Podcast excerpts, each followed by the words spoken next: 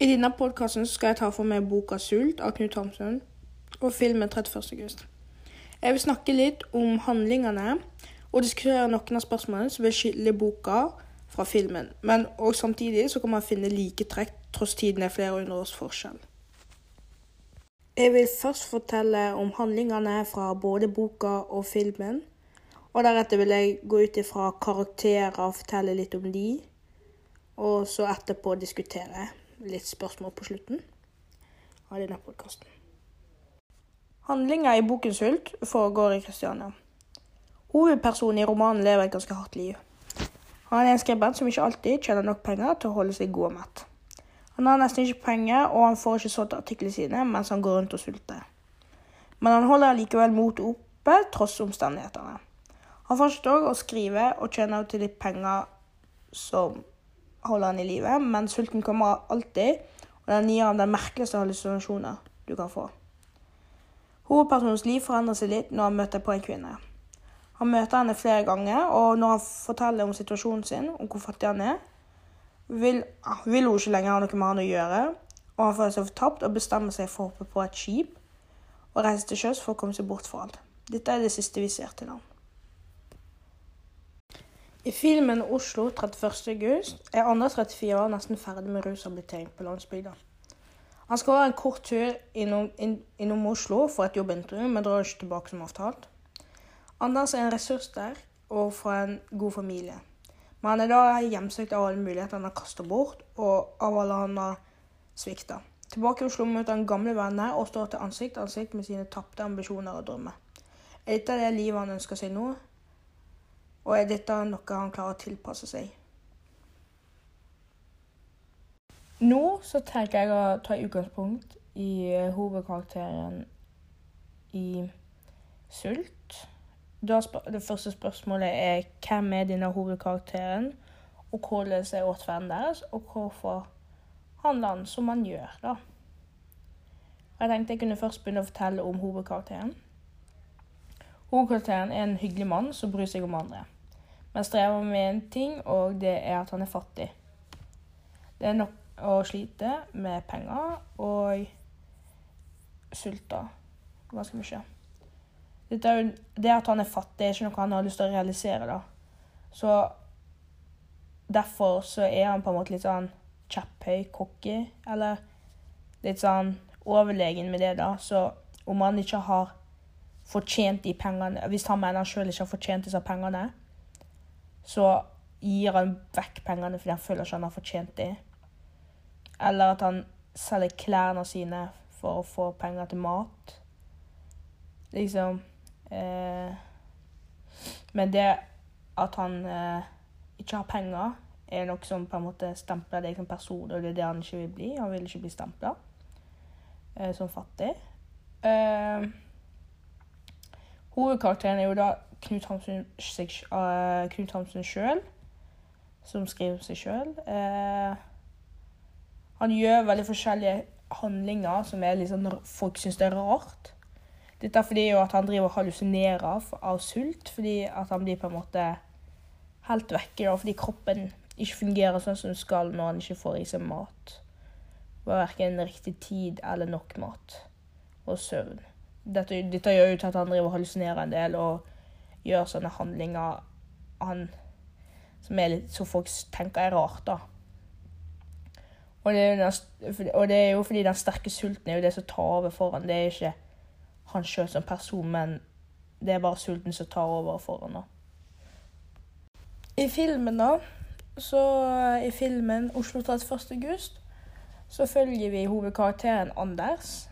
Han er en rusfri mann etter eller nesten rusfri mann etter seks år som narkoman, og forlater institusjonen for å gå på jobbintervju.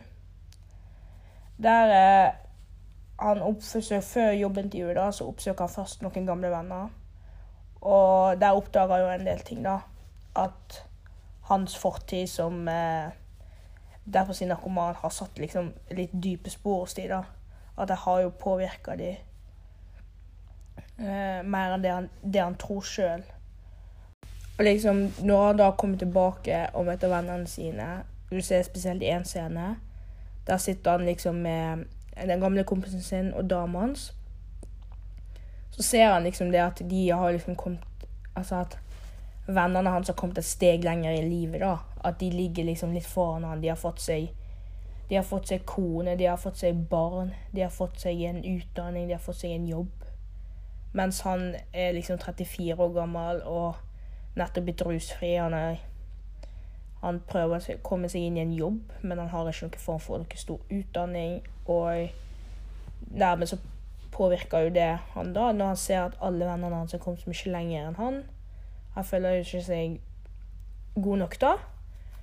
Um, dette går jo igjen på psyken igjen, fordi at han er liksom Ja, han uh, Han føler han ligger bare mye lenger bak enn de andre. Og han veit egentlig ikke om det er dette livet han har lyst til å komme tilbake til. Hva de gjør hver dag. Altså, hverdagen er sånn som det er nå, jeg vet ikke om er ikke noe han er vant til fra før av etter at han har levd som narkoman. da. Psyken til Anders er ikke god nok til å liksom takle den hverdag, hverdagslige Den travle hverdagen, rett og slett. Og Nei, dette er jo noe han eh, strever litt med, da eh, tilpasse seg sam det samfunnet er nå, da. Når han på en måte har vært innsperret såpass som han har vært. Og eh, ting er ikke som det var før. Og når psyken ikke er helt med, så er det litt lettere for å gi opp. Sammenligna med f.eks. Knut Hamsun, så hadde han allikevel motet oppe. Han hadde, selv om uansett hvor hardt det var, da, fordi han levde under såpass harde levevilkår, og det var det han vokste opp med, at han på en måte beit henne sammen for å stå i det, selv om han hallusinerte og uansett hva han gjorde. Mens f.eks. Anders har vel levd under gode levevilkår. Da er ikke du så vant til å måtte Ja hvis du lever under gode levevilkår, så er du ikke vant til å ha så mye press og stress og få så mye motgang. Og når du får det da, seinere i voksen alder, så er det ofte da det slår hardt ned på deg. Fordi du ikke har uh, møtt motstand og sånt før. Som trolig Anders ikke har gjort da før han ble narkoman. Uh, derfor har han lettere for å gi opp. Derfor har han lettere for å prøve å ta som du ser helt i begynnelsen av eh, filmen, så ser du at han prøver å ta livet sitt. da. Uh, og han har ikke noen form for motivasjon som vil holde han her. Og på slutten av filmen så ser du at han setter i en sprøyte i armen og ja, tar liksom farvel, da. Så at han takler ikke det. Han takler liksom ikke det sosiale samfunnet nå. Og på en måte så er det sosiale samfunnet blitt mye hardere enn det var før. Men samtidig så er det òg blitt bedre fordi at du lever under bedre levevilkår enn det du gjorde på den tida til Knut Hamsun, f.eks. Der du sov ute på gata, du sov på en benk, du, ga fra deg klærne, du hadde lite klær. Du hadde ikke mat eller noe sånt. da. Så du levde under verre vilkår, men allikevel så kunne du nesten ha det bedre med deg sjøl enn eh, eksempel Anders. Han har jo Han har jo et hus, han har jo leilighet, han har jo mat og alt mulig. Men det sosiale Altså, han føler seg allikevel så alene, selv om det er masse folk rundt han som eh, vil, ha, vil, han godt og kan godt ta vare på han. Men du, han føler seg så alene. Det er litt på samme måte derfor han sitter og Ja, eksempel på kafeen, da. Der han sitter og overhører andres overfladiske samtaler om sine små hverdagslige prøvelser, liksom. Der de liksom bare snakker om alt mulig. Hverdagslige ting. Det er ting han ikke er helt vant med, da. Så Og det er da du føler deg veldig alene i et så stort samfunn, da, enn det du gjorde før. Men Jeg vil si det å være et moderne menneske, det er vel litt mer det som Anders er i Oslo 31. august, enn det er i forhold til Knut Hamsun. Det å være et moderne menneske er jo egentlig nå dagens samfunn vi lever i. der psykisk mental helse har masse å påvirke på hvordan dine sosiale ferdigheter har med Ja, hvordan du klarer å håndtere livet ditt, da. Og hvordan det vil ende, egentlig, fordi om du For å kunne få deg en jobb, for å klare, for å, klare å fullføre barneskolen, ungdomsskolen, videregående, få deg en jobb, utdanning og eh, Og eh, klare å være sosial med andre, så er det det å være mentalt eh, stabil det som gjør deg til menneske, da. Og gjør deg til et eh, moderne menneske for å klare å holde ut den travle hverdagen de fleste lever i dag. Uh, og det jeg vil si, at det er positive og negative sider med det å være uh, et moderne menneske. Jeg vil si på en måte så er man egentlig sterk Takler man egentlig veldig mye mer dritt sånn mentalt eh, dagen på en måte sånn det vi, I denne hverdagen vi lever i nå. Det er mye mer sosialt press. Og egentlig veldig mye mer press på alle mulige måter. Det kan være alt fra sosialt press til kroppspress til skolepress. Mens sånn, før så var det egentlig ikke så veldig mye av det psykiske det gikk på. Eller du, vi er jo mer sånn der, Som et moderne menneske i dag, så er du mer åpen om den psykiske helsa. Det er, mer, det er et veldig viktig tema. Eh, under psykisk helse. Og de fleste og som et moderne menneske i dag, så lever du som oftest Da har du som oftest god nok råd til å leve Til å få i deg mat, liksom. Du Det er veldig lite at du Du er ikke fattig på den måten at du har ikke råd til å kjøpe deg mat eller noe sånt. Du har alltid penger til det.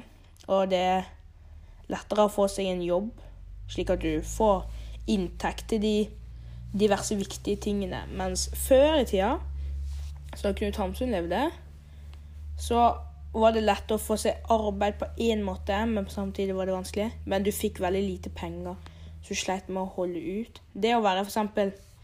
fattig i, no, i moderne samfunnet, det er nesten som å være rik i det gamle samfunnet. For i det gamle samfunnet så var det liksom Ja, du sleit med å få i deg mat.